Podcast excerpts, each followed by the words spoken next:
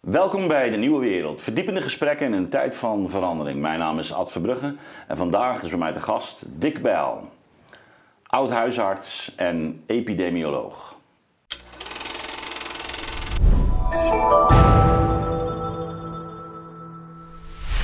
Dick, welkom.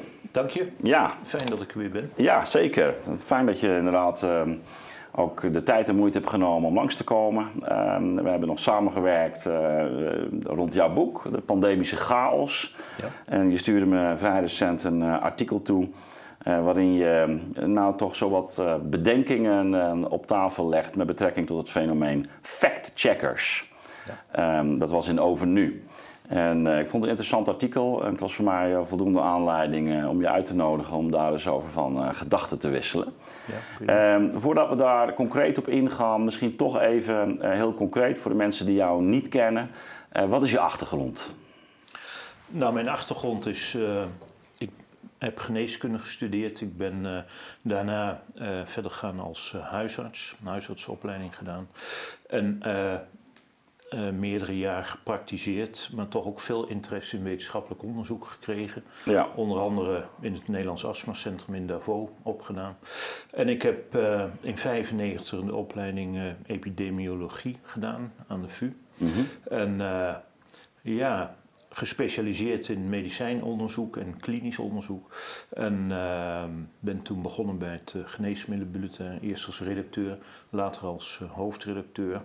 En in 2017 ben ik daar gestopt en sindsdien eh, ja, geef ik lezingen, schrijf ik artikelen, boeken. Ja. En eh, vooral over medicijnen, ook over vaccins. ja, je zit ook in een internationale netwerk, hè? Ja, klopt. Ik ben nu nog voorzitter van de internationale groep van medicijnbulletins. Eh, dus dat is een wereldwijde organisatie die destijds is opgericht door de WHO en de Europese eh, Commissie. Eh, met het idee om overal in de wereld onafhankelijke bulletins op te richten en te ondersteunen in het beschrijven van nieuwe medicijnen en vaccins. Ja, nou ehm, ben je hier ook ehm, eh, al eerder te gast geweest, onder andere bij eh, Marlies Dekkers. Je hebt ook meegedaan aan onze eindejaars-uitzending. Ja. Ehm, nou, in, in een van die eerdere uitzendingen is ook wel het een en ander voorbij gekomen over jouw eh, onderzoek naar medicijnen en vaccins. En dat jij ook in die hoedanigheid, ook als ja, onderzoeker en ook als de, degene die zo'n bulletin in dat netwerk van bulletins zit, ehm, ook wel je, je bedenkingen hebt over eh, nou ja, zowel eigenlijk informatieverspreiding als de invoering van ehm, een bepaalde medicijnen, waarbij je ook in de richting van instanties en ook, ook in de richting van bijvoorbeeld van de Nederlandse overheid ook zegt van ja, er, eigenlijk, er ontbreekt deskundigheid. Ja. Ehm, en dat is niet ehm, zomaar iets, dat heeft vergaande gevolgen. Misschien kun je toch ook even eh, kort een aantal van die, eh, nou ja, laten we zeggen, hoogtepunten ook in, in jouw eigen zoektocht en, en on- on- onderzoek eh, naar voren halen. Ja, ehm, er zijn natuurlijk een heleboel zaken op gaan vallen naarmate ik langer bij de Ja. bulletin werkte. Hè. Eh, de farmaceutische industrie, die, eh, ja, daar werd toch steeds duidelijker van dat ze nogal eh, apart omgingen met wetenschappelijke gegevens en onderzoek. Ja, Aanvankelijk eh, beperkte ik me tot het eh, samenvatten van die onderzoeken voor artsen en apothekers. Met hier en daar een kritische kanttekening. Maar later werd toch steeds duidelijker dat die conclusies vaak niet klopten. Die de onderzoekers, met name dus die eh, eh, verband hielden met de farmaceutische industrie, eh, dat die, die onderzoekers te positieve conclusies trokken uit de onderzoeken. En dat, eh, dat was één punt. Later werd duidelijk dat, ze, dat de industrie regelrecht fraudeerde met de onderzoeken. En dat was natuurlijk heel ernstig. En dat kwam met name aan het licht met eh, het onderzoek met eh, kinderen, Mhm. adolescenten eh, die depressies hadden. En die dan behandeld werden met antidepressiva. Ehm, Glaxo, een van de producenten van die middelen, Mhm. die werd aangeklaagd door de, door de New Yorkse procureur-generaal. En daar hebben ze een schikking getroffen. Ze moesten een paar miljard betalen. Maar ze moesten ook al hun gegevens op hun eh, website zetten. Toen konden onafhankelijke de onderzoekers mee aan de gang. En toen bleek dat hun antidepressivum niet werkte, maar bovendien ernstige bijwerkingen had. Zoals suïcide. Hè? Zo. En dat, dat is natuurlijk uh, buitengewoon ernstig. Dat je uh, kinderen, adolescenten die op zich een klachten hebben, een ziekte hebben, dat die door het medicijn zelfmoord gaan plegen. Ja. Uh, toen bleek dat de FDA, dus de registratieautoriteit in de Verenigde Staten, de waarschuwing had gegeven dat kinderen, of dat die antidepressiva voor kinderen in feite gevaarlijk waren. Later hebben ze eraan toegevoegd dat dat ook voor volwassenen gold. Hè. Uh, dat bericht hebben ze later weer de, van de website afgehaald. Maar het probleem met antidepressiva is kenmerkend voor hoe de registratieautoriteit de onderzoeken uh, analyseert die fabrikanten aanleveren. Dus veel te weinig kritisch, mm veel te weinig doorvragend. En ja, goed, dat heeft natuurlijk ook te maken met de opdracht die zij van de uh, politici hebben gekregen, met name van het Europese parlement hier in uh, Europa. En dat is niet in het belang van burgers. inmiddels zijn medicijnen opgeklommen tot de derde doodsoorzaak in de westerse landen, na hart- en vaatziekten en kanker.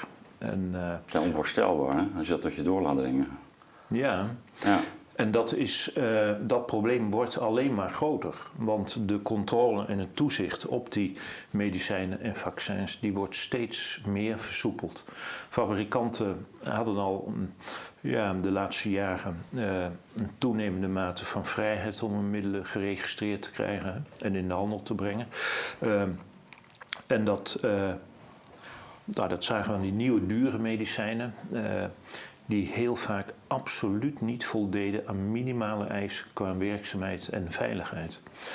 Nu tijdens de pandemie is dat alleen. Laten we die nog even uh, laten rusten, komen we dadelijk over te spreken. Ja. Nee, want wat je schetst doet me ook denken aan een uitzending die wij hier een keer hebben gewijd aan de film Doopsick. Misschien heb je hem ook gezien, dat het wat betrof uh, eigenlijk het hele schandaal rond uh, Oxycontin ja. in, um, in Amerika. Ja. Uh, dat was van de producent Purdue, geloof ik of zo. Ja, Purdue. Ja, Pur, ja Purdue. Um, en, en is uiteindelijk uh, uitgemond toch in een, een vrij lange rechtszaak. Het, de, de, de, de, de kwestie speelde al in de jaren negentig. Is eigenlijk in het heel lang voort blijven slepen. Inmiddels is ook duidelijk dat, uh, dat daar toch miljoenen mensen echt uh, slachtoffer van zijn geworden. Ook, ook uh, extra doden. Ook, hè. Dus het is een, uh, on, onvoorstelbaar eigenlijk dat, dat zoiets zo lang kan, uh, kan voortslepen. En, en ja. ik zag daar, maar misschien kun jij daar nog uh, wat meer licht op werpen, dat er ook echt wel sprake was van een, nou, laten we zeggen, een on, ongezonde verstrengeling tussen uh, de industrie en, en de FDA. dus dat mensen die eigenlijk, nou ja, laten we zeggen binnen de FDA een een, een, misschien een mooi salaris hebben, maar toch bescheiden. Dat die ook carrière kunnen maken wanneer ze later weer uh, ja. in, voor, de, voor de industrie uh, gaan werken. Dat was in dit geval ook zo. En dat er dus ja, een soort netwerken gaan ontstaan waarin die twee uh, te, te, dicht op elkaar komen. Ja. Um, nou schetste jij ook al bepaalde ontwikkeling. Is dat ook iets wat je de afgelopen decennia, uh, laten we zeggen, in Europa en ook in Nederland uh, hebt zien gebeuren? Ja, dat is eigenlijk het bekende draaideurfenomeen. Hè? Ja. ambtenaren van van ministeries die gaan naar de industrie en omgekeerd, zodat ze ja, heel goed weten hoe de processen verlopen in uh, elkaars uh, organisaties.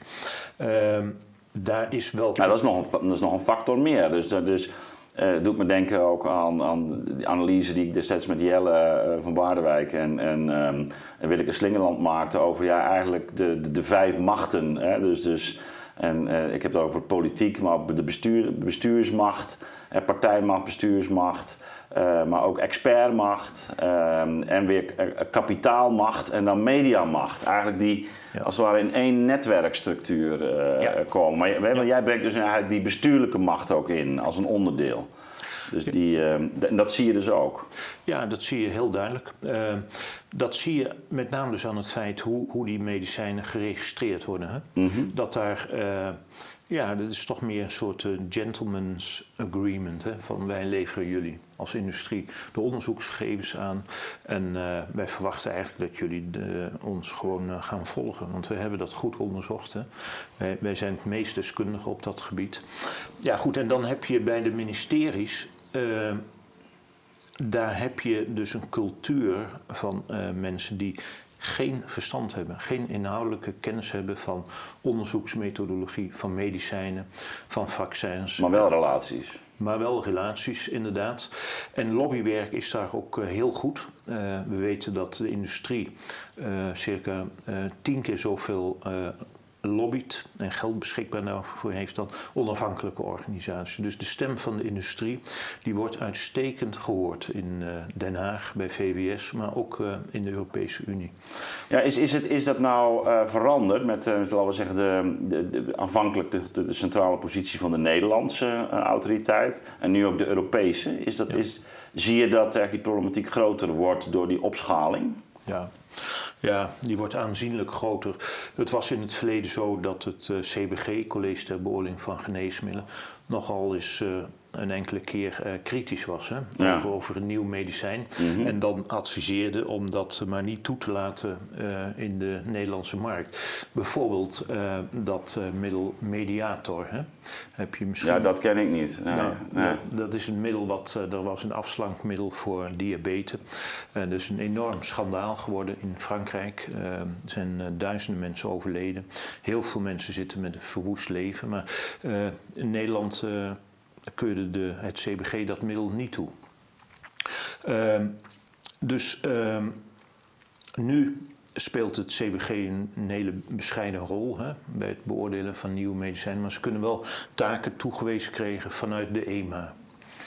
En dat. Uh, nou goed, dat... Ja, dus de EMA wordt wel gewoon de centrale autoriteit. Ja, absoluut. En zijn, zijn er landen zoals bijvoorbeeld Duitsland of Frankrijk die daar nog meer een eigen positie in, uh, innemen? Of kun je dat niet zeggen? Nee, dat wordt alsmaar minder. Mm. Maar het is wel zo dat elk land uh, een specifieke deskundigheid heeft uh, op het beoordelen van medicijnen. Mm -hmm. En dat ze dan uh, bepaalde opdrachten krijgen van de, van de EMA om iets uit te zoeken. Oké. Okay. Dus bijvoorbeeld een nieuw vaccin beoordelen. nou, dat kan bijvoorbeeld gedaan worden door de Fransen een nieuwe, nieuwe pijnstiller, een nieuwe opioïde oh, pijnstiller. Is, kan bijvoorbeeld door de Duitsers gedaan worden. Die zijn daar goed Het is in. een soort arbeidsdeling. Ja, ja, ja, precies. Ja, maar dat betekent ook dat er uh, een bepaalde expertise binnen landen gaat verdwijnen. Of, of in ieder geval op, laten we zeggen, op autoriteitsniveau verdwijnt. Ja, ze hebben, uh, we zagen dat bij de uh, goedkeuring van het vaccin, hè, mm -hmm. dat mRNA-vaccin, ja. was, het CBG was er al klaar mee uh, met de beoordeling en moest toch wachten op hoe de EMA daarop zou reageren. Dus zij, hadden al langer geconcludeerd dat het uh, zou werken.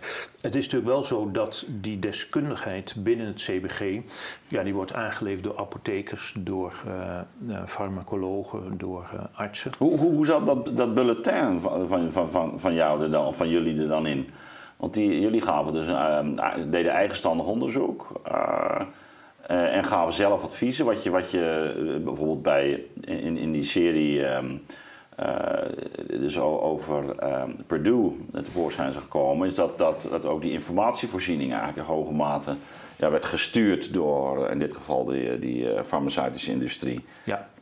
Ja, dat doen ze. Uh, ja, dat bulletin waar ik werkte, dat was destijds opgericht door het ministerie van uh, Sociale Zaken. Omdat ze vonden dat uh, de artsen en apothekers in Nederland onvoldoende onafhankelijke informatie kregen. Aha, dus dat was een soort tegenmacht organiseren ja. eigenlijk. Ja, in die, dat is op zich goed. Dat was op zich heel goed. Kijk, ja. toen in, Hoe lang bestaat het dan? Ja, 55 geloof ik bijna. Ja, oh, in, die, in die periode, zo mid 20e eeuw. Ja, rond uh, 1967, een paar jaar daarvoor, was in Engeland Drug and Therapeutics Bulletin opgericht. En het eerste bu uh, bulletin was de Medical Letter. Oh, Oké, okay, jaren 60, ja, ja, ja, ja, Die waren opgericht dus door uh, consumentenorganisatie. En dat is wel uh, van Aha. belang. Ja. En de overheid volgt in veel eh, West-Europese landen. En eh, ja, goed, tegenwoordig is het natuurlijk eigenlijk gewoon compleet tegenovergestelde. Ze Ja. overal monddood gemaakt. En, e- even toch die, die jaren 60, want toen hebben we natuurlijk ook eh, wat, wat schandalen gehad. Hè? Eh, we hebben, eh, ja, mijn generatie had het dan over softenon eh, baby's. Dat was volgens mij ook een beetje zo de jaren 60, toch? ja, dat klopt. Dat was rond eh, 1960. Hè. Ja. De Duitse fabrikant Grünenthal had toen thalidomide, eh Softenon, op de Ja. markt gebracht eh, voor de behandeling van slaapstoornissen en misselijkheid in de, in de zwangerschap. En dat middel eh, bleek dus ernstige aangeboren afwijkingen te geven bij, bij kinderen. Veel te korte armen, veel te korte Ja, benen. nee, het is, het is echt, echt typische softenon baby's had je. hè? Ja, maar weet je, opmerkelijke was dat dus in Amerika, er was een onderzoekster, Frances Kelsey, Ja. en die vertrouwde de gegevens van die Duitsers niet in, eh, in de zwangerschap. En die adviseerde om dat middel niet toe te laten in Amerika. Met als gevolg dat eh, dat softenon-drama daar zich niet voordeed. Oké, en hoe lang heeft het hier geduurd voordat het uiteindelijk van de markt werd gehaald? Eh, ja, dat, dat duurde denk ik een paar jaar. Eh, Toch wel. En Ja. Kijk, het was wel zo dat eh, deze hele affaire gaf aanleiding tot het instellen van die registratieautoriteit. ja, ja, precies. Ja. In de Verenigde Staten had je toen al de FDA, die regels werden strikter. En in Europa kwam, eh, kwam dus eh, eh, het CBG en in allerlei andere landen werd dat opgericht. Zij moesten dus toezicht houden Ja. op de kwaliteit van de nieuwe medicijnen. En er werden allerlei hele eh, uitgebreide regels voor opgesteld. Hè. Duurde, dat onderzoek duurde vaak een jaar of tien. Hè. Moesten allerlei patiënten aan meedoen, uitgebreid proefdieronderzoek. En dan nog was Het is eigenlijk een nieuw meer een aanleiding een nieuw protocol opgesteld ja, door die autoriteiten. nou, een, een echt goed Een protocol. goed protocol. Ja. Ja. En dan moesten dus, eh, ja, eh, naast het proefdieronderzoek, eh, laboratoriumonderzoek, moest dus fase 1 tot en met 4 onderzoek worden gedaan. Ja. Ja, dat nam gewoon eh, jaren in beslag. En dat was Ja. goed. Ja. Dat was echt goed, want daarna deden zich nog wel eens problemen voor, maar echte rampen toch een ja, eh 10, 20 jaar niet. Nee, eh, eh, toch even nog over die softenon. Over, over hoeveel slachtoffers hebben we het dan? Ik, Ja, eh, dat, dat is is moeilijk. enigszins zicht op? In, in Nederland eh, wordt gesproken van enkele tientallen slachtoffers. Oh, dus dat valt eigenlijk nog wel mee. Ja, maar goed. Nou ja, je zal het maar zijn, maar ja. ja. eh, Maar in Europa dus, dus eh, aanzienlijk meer. Aanzienlijk meer. Ja, Ja. absoluut. Ehm, goed, ja, je, je, je, je raakte er al enigszins aan. Ehm, nee, wacht, ik had toch nog, toch nog één vraag. Ehm, want ik, zei- ik zei al, wat, wat, wel- welke positie neemt dan dat, ehm, dat bulletin, hè, waar jij ook eh, de hoofdredacteur van bent geweest, hè, was het? Ben, ja. Ja. ehm, welke positie neemt, neemt dat bulletin daar binnenin, binnen dat, binnen dat veld? Nou, het was natuurlijk eerst gewoon een, een, eh, een, informatiebron hè, voor Ja. artsen en apothekers die wat meer wilden weten over de achtergrond van die medicijnen, Hm. hoe ze werkten, wat de bijwerkingen waren, eh, wat de contra-indicaties en zo waren. Nou goed, dat werd allemaal beschreven en dat, eh, dat was een, een onafhankelijke bron eh, Ja. met informatie. Eigenlijk belangeloos dus. Ja. Werd dus gefinancierd door de overheid. Maar die Ja. overheid die, eh, die begon steeds moeilijker te doen. En wanneer, over welke periode hebben we het dan? Nou, dat was al eh, voor 1990 werden er al pogingen ondernomen om ons uh, kalt te stellen. Hè. Toen werkte ik er nog niet.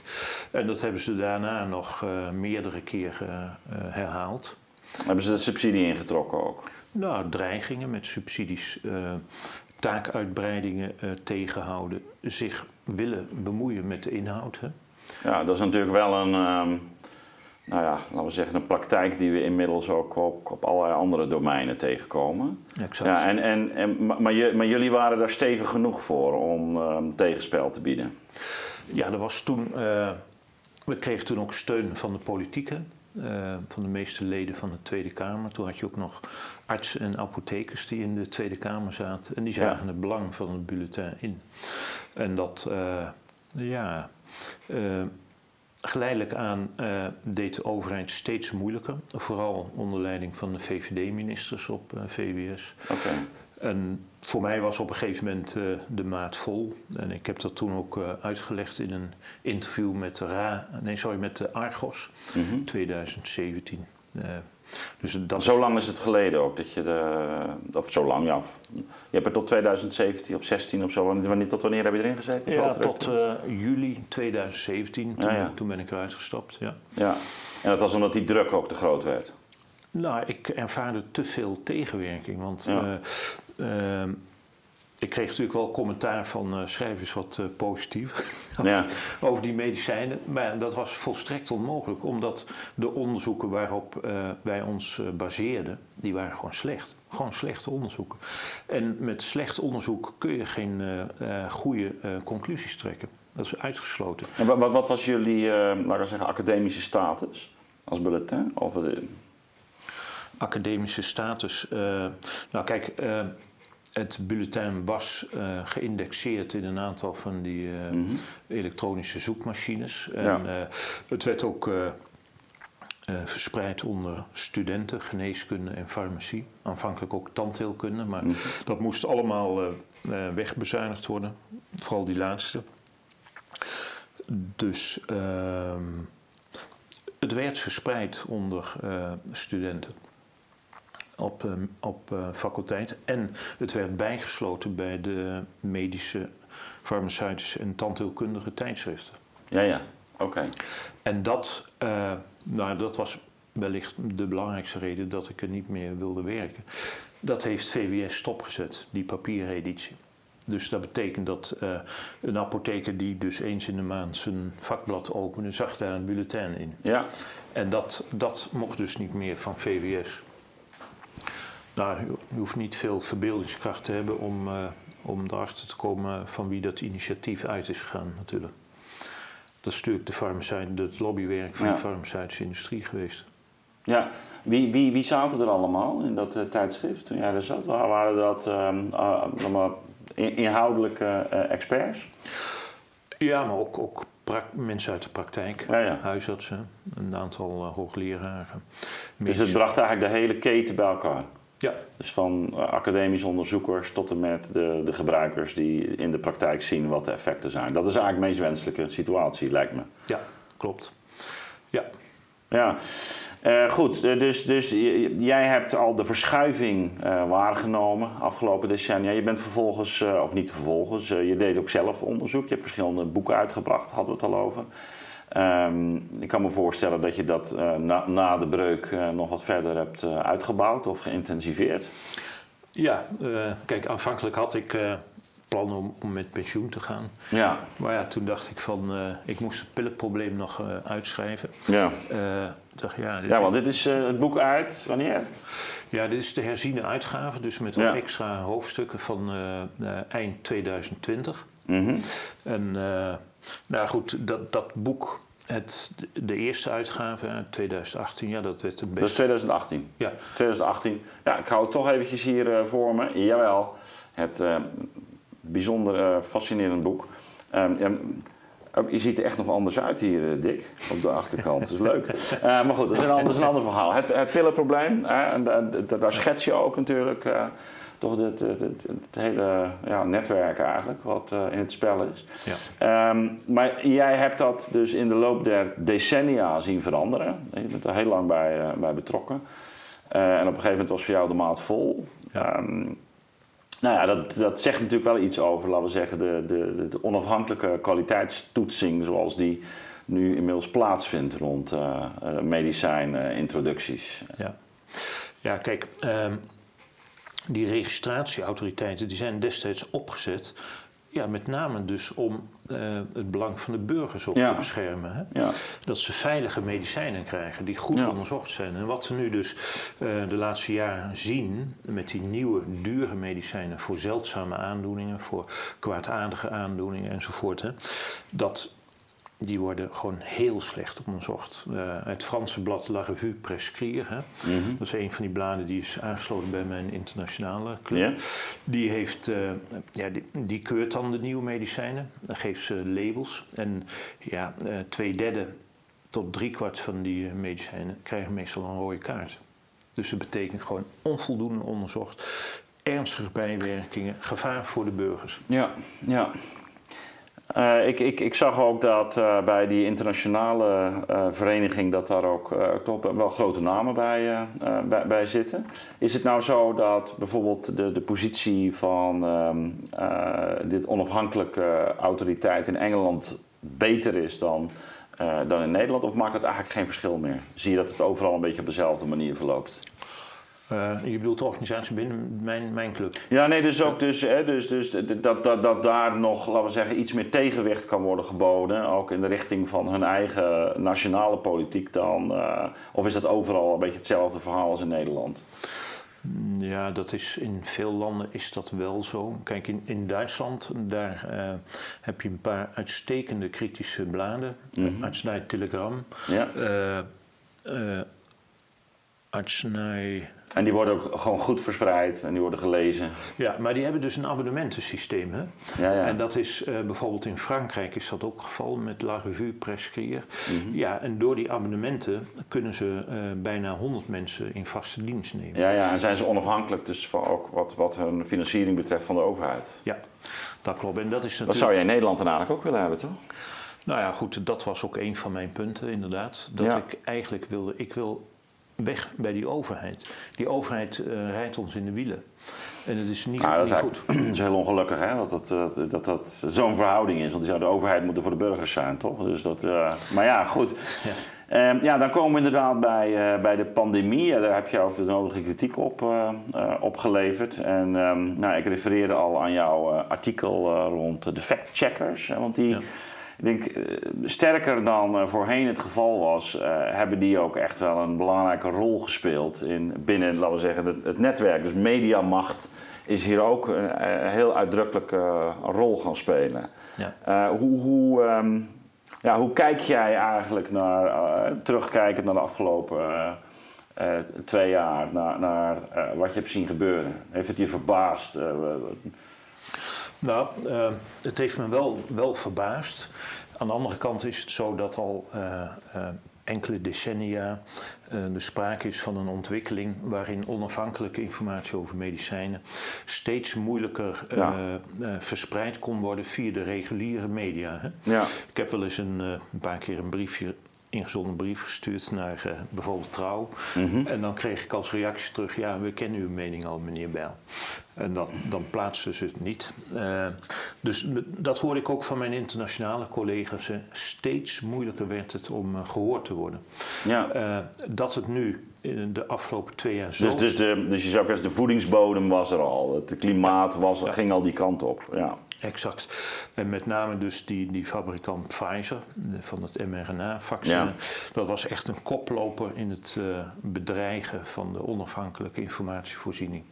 Uh, behalve dat zij zelf regelmatig in de beklaagde bank stonden, hè, bij rechtbanken, omdat ze fraude hadden gepleegd, wilden ze ook de reviewprocessen van die onafhankelijke tijdschriften wilden ze beïnvloeden en uh, een verbod op laten leggen door de rechter. Nou, daar waren wel verstandige rechters gelukkig in de Verenigde Staten. Die hebben dat uh, niet goed gevonden. Maar ja, goed, de afgelopen twee jaar is het echt in een stroomversnelling geraakt. Dat, uh, ja, on, onvoorstelbaar hoe weinig kritisch die reguliere media zijn.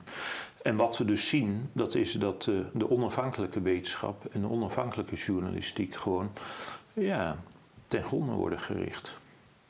Met als gevolg dat, burgers, uh, dat het belang van de burgers steeds minder uh, uh, verdedigd wordt en gehoord wordt.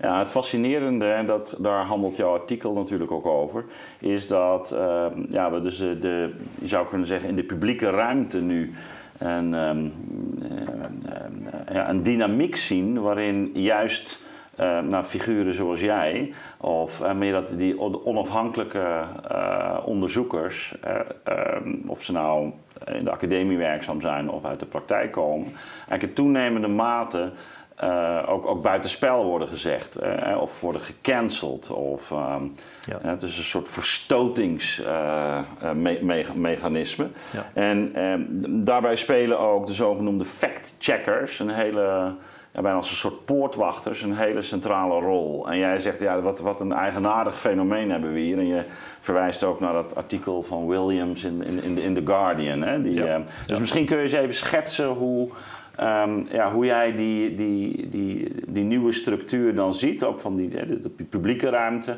En, en wat, welke, ja, wat, wat, wat voor fundamentele problemen er kleven eigenlijk aan dat, dat verschijnsel fact-checker. Ja, eh, die fact-checkers eh, die zijn eigenlijk eh, gekoppeld aan de, aan de opkomst van die sociale media. Ja, het leek, het leek een soort, soort reinigende instantie te zijn, hè? Ja. Ja, nou ja, goed. als, als we dat dus goed gaan bekijken, dan. Wat die, wat die fact-checkers doen, dat heeft Paul Thacker, eh, een eh, onafhankelijke eh, onderzoeksjournalist, heeft dat bij herhaling vastgesteld dat ze geen feiten checken, of die Mhm. kloppen, maar meningen. En meningen, eh, dan gaat het om meningen, of die wel gevallig zijn voor de overheid, voor de grote multinationals, hè. Big Tech, eh, Big Pharma, noem maar op. En eh, hij noemde zelf als voorbeeld de, het, de trial, dus het klinisch onderzoek van het mRNA-vaccin. Daar had hij eh, over geschreven dat er bepaalde misstanden waren gesignaleerd. Hè. Er was fraude gepleegd bij dat Ja. onderzoek. En dat is eh, niet in de reguliere media aan de orde gekomen, maar wel in kritische, onafhankelijke media. En daar worden nu nog eh, processen over gevoerd. Maar hij had puur eh, geconstateerd dat er misstanden waren bij dat onderzoek. En nou, dan kreeg hij een factchecker achter zich aan en die heeft hem neergezet als een, ja, een corona-ontkenner, als een antifaxer en ook als een anti-wetenschapper. Dat is tegenwoordig het lot wat eh veel... Ja, dat was een gerenommeerde hoogleraar. En, en die wordt zo betiteld door, door. En wat is dan de, de, de status van die, op basis waarvan zegt zo'n factchecker dat? Wat, wat is zijn eigen opleiding? Nou ja, als je geluk hebt, zijn ze net afgestudeerd. Hè? Mhm. Maar eh, ja, je, hebt, je refereert nu aan eh Ioannidis, hè? Die, eh, de meest geciteerde eh, medische we- wetenschapper. Hè? Die werd ook door een factchecker gewoon onderuit gehaald. En eh, in een artikeltje wat binnenkort op eh, overnu.nl komt, komen we daarop terug. Hè? Peter Gutsch heeft daar ook een heel interessant boek over geschreven. Maar deze mensen worden dus gefactcheckt en die worden gewoon... ja, hun, hun leven, hun reputatie wordt gewoon geruïneerd. Ehm, ja, ik, dus wat hier aan de hand is, dat is dat eh, de nieuwe media, eh, de nieuwe structuren die zich hebben ontwikkeld met de reguliere media, dus eh, nieuwe feiten pre- gaan presenteren. Of moet ik eigenlijk zeggen, nieuwe meningen. Ja, Want het is heel erg moeilijk te controleren wat zij allemaal doen. In elk geval de Ioannidis en heel veel andere eh, geleerden, Hennigan, Jefferson, die hebben dat allemaal uitstekend gepareerd. Maar dan horen ze er vervolgens niet Nee, meer van. nee. En worden ze gebannen van bijvoorbeeld eh, LinkedIn of eh, Twitter. Dus dat is gewoon een hele... ja want die, die, die, die factcheckers die zijn ook volop actief in die nieuwe media. Eh, nou, Facebook is natuurlijk heel bekend. Dat hij ook zelfs artikelen uit wetenschappelijke tijdschriften op een gegeven moment heeft eh, eh, verbannen hè, van het eh, platform. Ja, Eh, ik meen zelfs uit Nature hè, of zo, was het Ja. artikel. Ehm, maar hetzelfde go- gold natuurlijk voor Twitter. Nou ja, we hebben inmiddels natuurlijk met, met de komst van, van Musk naar het zich laten aanzien, zal dat wellicht iets veranderen. Maar, maar die, die, die hele, ehm, ja, we zeggen, big tech. Eh, in de industrie ehm, heeft dus factcheckers die, die eh, nou ja, eigenlijk naar, naar, naar willekeur, maar of, of naar het belang van bepaalde eh, machten en ook kapitaalmachten beslissingen kunnen nemen. Of politiek. ja. Nou, dat is natuurlijk een situatie die je niet wilt. Nee. Je wilt onafhankelijke, objectieve informatie die gewoon gecontroleerd kan worden en waarover je in discussie eh, kunt gaan. Ja, dit, is natuurlijk echt een ramp die zich aan het eh, voltrekken is voor de journalistiek. En eh, ja, goed, ze zijn er zelf natuurlijk ook deelgenoot van. En zijn er deels ook gewoon zelf schuld aan. Hebben ze, ze hebben zelf schuld aan. Omdat ze bewust andere geluiden van onafhankelijke onderzoekers buiten de deur hebben gehouden. Ja. ja, ik heb zelf natuurlijk destijds meegemaakt bij de NRC dat ik uh, een interview heb gegeven en uh, dat vervolgens op, uh, op allerlei manieren werd, werd gecensureerd.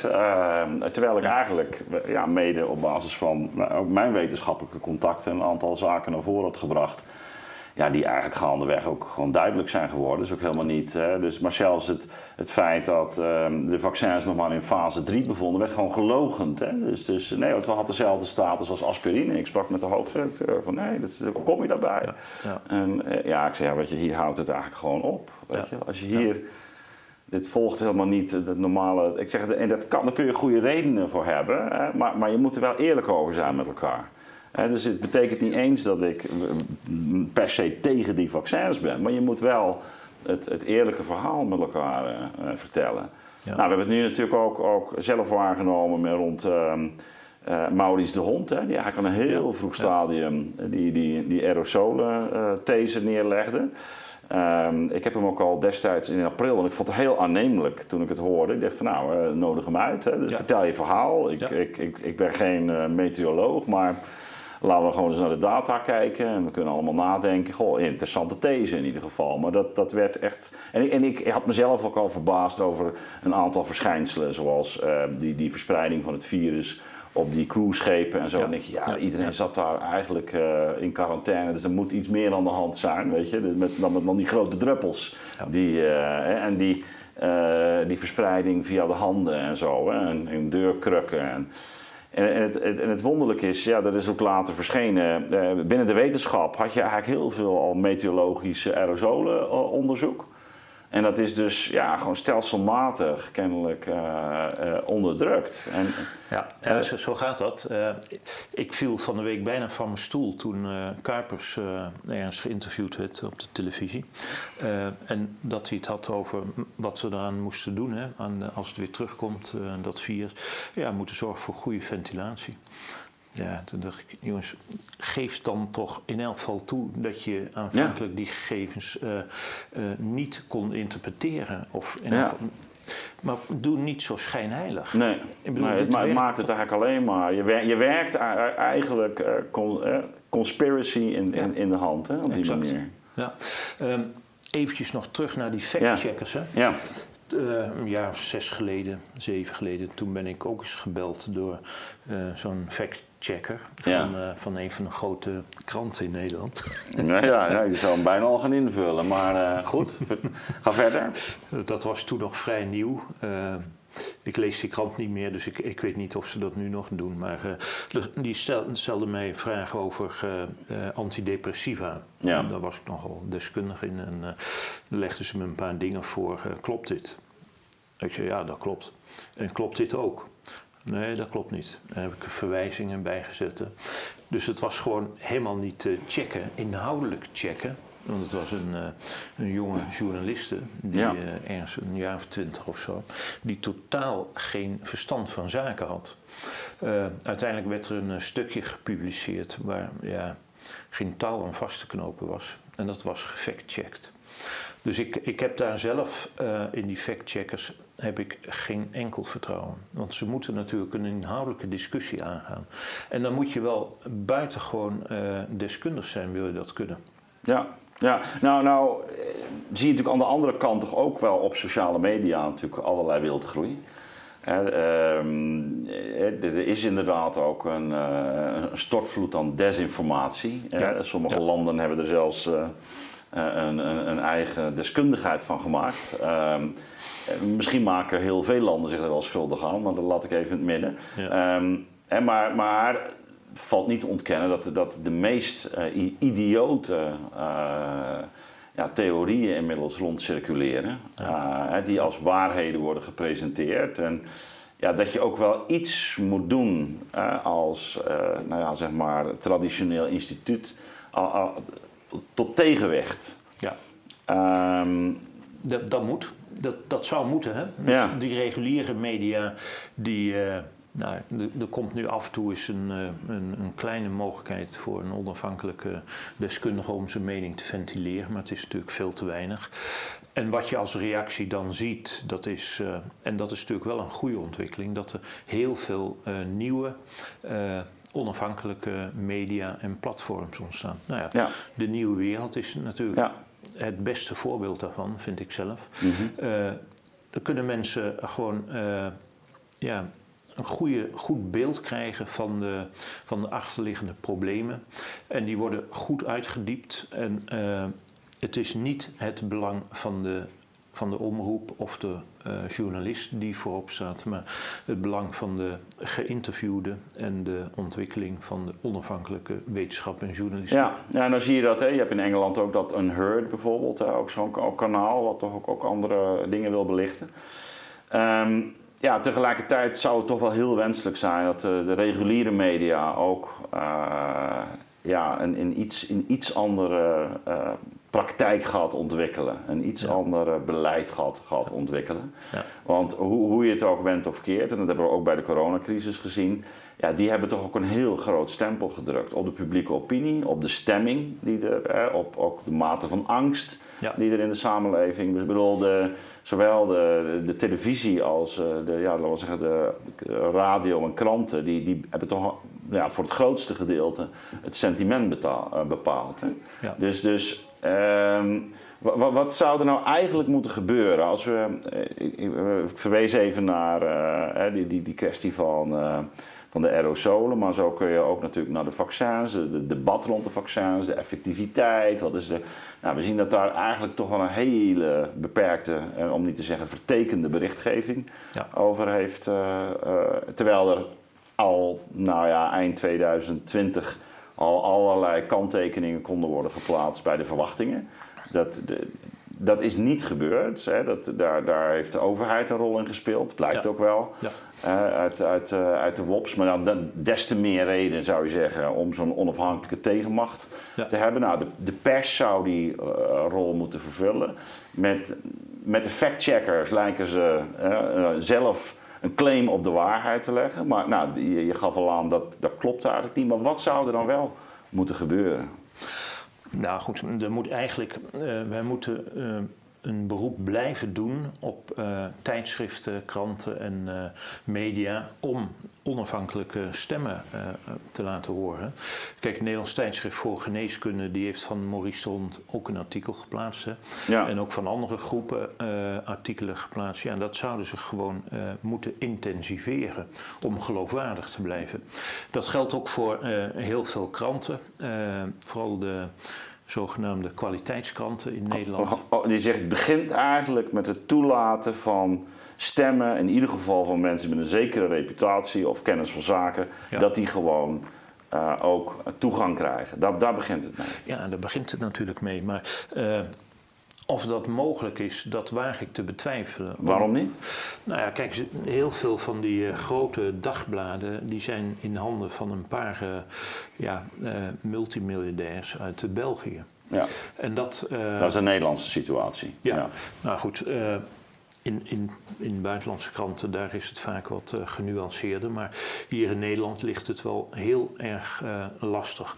Die angstcampagne, dat is in gang gezet uh, door de overheid natuurlijk. Ja, was in Engeland ook het geval, hè? Ja, in heel veel andere landen. Ja, ja, heel veel andere landen. Maar dus, ja, ik heb, ik heb, eh, ik bedoel, je, je weet, uh, we zijn daar zeer kritisch op geweest, maar het is in, in mijn ogen echt volstrekt onverantwoord dat een overheid uh, angst inzet als een, een middel om beleid door te voeren. Ik vind dat dat is echt de dat is iets wat in, inderdaad in totalitaire structuren gebeurt. Het is ja. antidemocratisch. Ja. Het zet eigenlijk het denken stil. Het is uh, bovendien ook uh, zeer schadelijk voor de volksgezondheid. Ja. ja, goed, daar ben ik helemaal met je eens. Uh, het feit dat er geen kritische reflectie op is vanuit de politiek, hè, vanuit de Tweede Kamer, vanuit grote dagbladen en tijdschriften, ja, dat belooft het ergste. ja, goed Matthias Dus- de Smet ja. heeft daar eh, boeken over geschreven. Die heeft daar hele goede interviews eh, over eh, gedaan. Dus ik, ik, ik, ben, ik ben niet positief over de ontwikkeling die eraan gaat komen.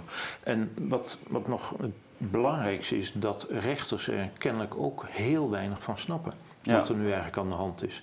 En dat, zou, dat is toch eigenlijk het laatste bastion wat En de wetenschap zelf? Weinige. Ja, en dat, dat hangt natuurlijk samen met het feit dat de meeste eh, wetenschappers op universiteiten, hoogleraren, ja, die hebben gewoon financiële conflicterende belangen met de farmaceutische industrie, met andere industrieën. Dus ja, die zullen dat niet snel gaan doen. Ja, dat is grappig dat je het zegt. Eh, Ik, ik, het valt mij ook steeds weer op hoe eh, vatbaar eigenlijk ook de academische wereld voor geld is geworden. Hè? Ja. Eh, ik moest onlangs denken, eh, toen dat bericht naar buiten kwam, eh, dat eh, in Europa geloof ik 1500 onderzoeken aan de universiteiten werden gedaan voor het Chinese leger. Dus dat is, en je denkt, dat kan toch niet waar zijn, in Nederland ook. Hè? Dus, dus, Ja. en de reactie van de universiteit was, ja, we hechten wel aan de academische vrijheid. En we zijn al bezig met... dus, dus weet je wel, je hebt enerzijds het moralistische verhaal dat je niet meer in de wapenindustrie mag in- investeren. En dat, eh, dat, dat daar onze pensioenfondsen uit moeten. En aan de andere kant, eh, nou ja, dit soort praktijken. Maar dat is in feite toch wat, eh, wat, wat nu gaande is. Ja, nou, en dat is natuurlijk vooral de politiek aan te rekenen. Hè? We Ja. hadden, ja, een 10, 20 jaar geleden heeft men, misschien al wel lang geleden, heeft men heel sterk ingezet op, nou ja, op eh, derde geldstromen voor, Ja. voor de universiteiten, maar ook op meer samenwerking met de Chinezen. Hè? Ja. Nou, we zien nu de gevolgen daarvan. Het Ja. is, het is vreselijk gewoon. Ja, maar dat zie je dus in, eigenlijk in die verschillende industrieën, dus ook in die farmacie. En dat is, het- dat is eigenlijk de structuur die jij hebt zien, zien ontwikkelen. Ja, nou, ik, ik kan het beste refereren aan het boek Leg- eh, Fataal, maar legaal eh, Ja. van, van Nicolas Freudenberger, eh, sociaal epidemioloog uit, eh, uit New York. Die heeft dat uitstekend geanalyseerd en die heeft laten zien dat waar die grote bedrijven, dus de, die medicijnen, tabak, alcohol, wapens, auto's en voedingsmiddelen maken, dat overal waar die industrieën echt vaste voet aan de grond krijgen, gaat de gezondheid van mensen achteruit. Neemt de mortaliteit toe en wordt de, de democratie bedreigd. En dat is precies waar we nu middenin zitten. Ja. Wat, ehm, het is een, som, een somber verhaal, sombere analyse. Ehm, wat staat ons eh, te doen afsluitend? Nou, wat ons te doen staat is. Wij, wij voeren dit gesprek in ieder geval aan tafel. Want de nieuwe wereld gaat ook eh, moedig door. Ja. Maar, maar eh, dit wordt ook bekeken door ehm, wellicht ambtenaren, bestuurders, sommige politici. Wat, Ja. wat, wat zou er in jouw ogen moeten gebeuren? Nou, eh, media en platforms zoals dit, eh, er moeten er veel meer van komen. En ik denk dat, dat sommigen moeten samenwerken met elkaar, zodat ze sterk worden. En ze moeten ook de politiek gaan bedienen. En ze moeten proberen toch zeker die discussie aan te gaan met de reguliere media. Maar hun stem moet gehoord blijven worden. Het kan niet anders, want anders loopt het eh, verkeerd af. Ja, en de, en, de, en de wetenschap moet dus, eh, zich dus dan ook gedekt weten vervolgens. En wetenschappers om, om dat geluid ook na- naar buiten te brengen. Ja, dat zal vooral uit. eh, er zijn er natuurlijk in Nederland goede wetenschappers die zich Ja. daarmee bemoeien, maar het geldt ook met name internationaal. Hè, dat Ja. die eh, mensen zich verenigen en eh, hun stem laten horen. Ja, nou jij laat in ieder geval je stem horen, dat is belangrijk. Ik dank je voor wederom een heel verhelderend en mooi gesprek. Dank je, graag gedaan. Beste kijker, als je meer van dit soort uitzendingen van de nieuwe wereld wilt blijven volgen, abonneer je dan op ons kanaal.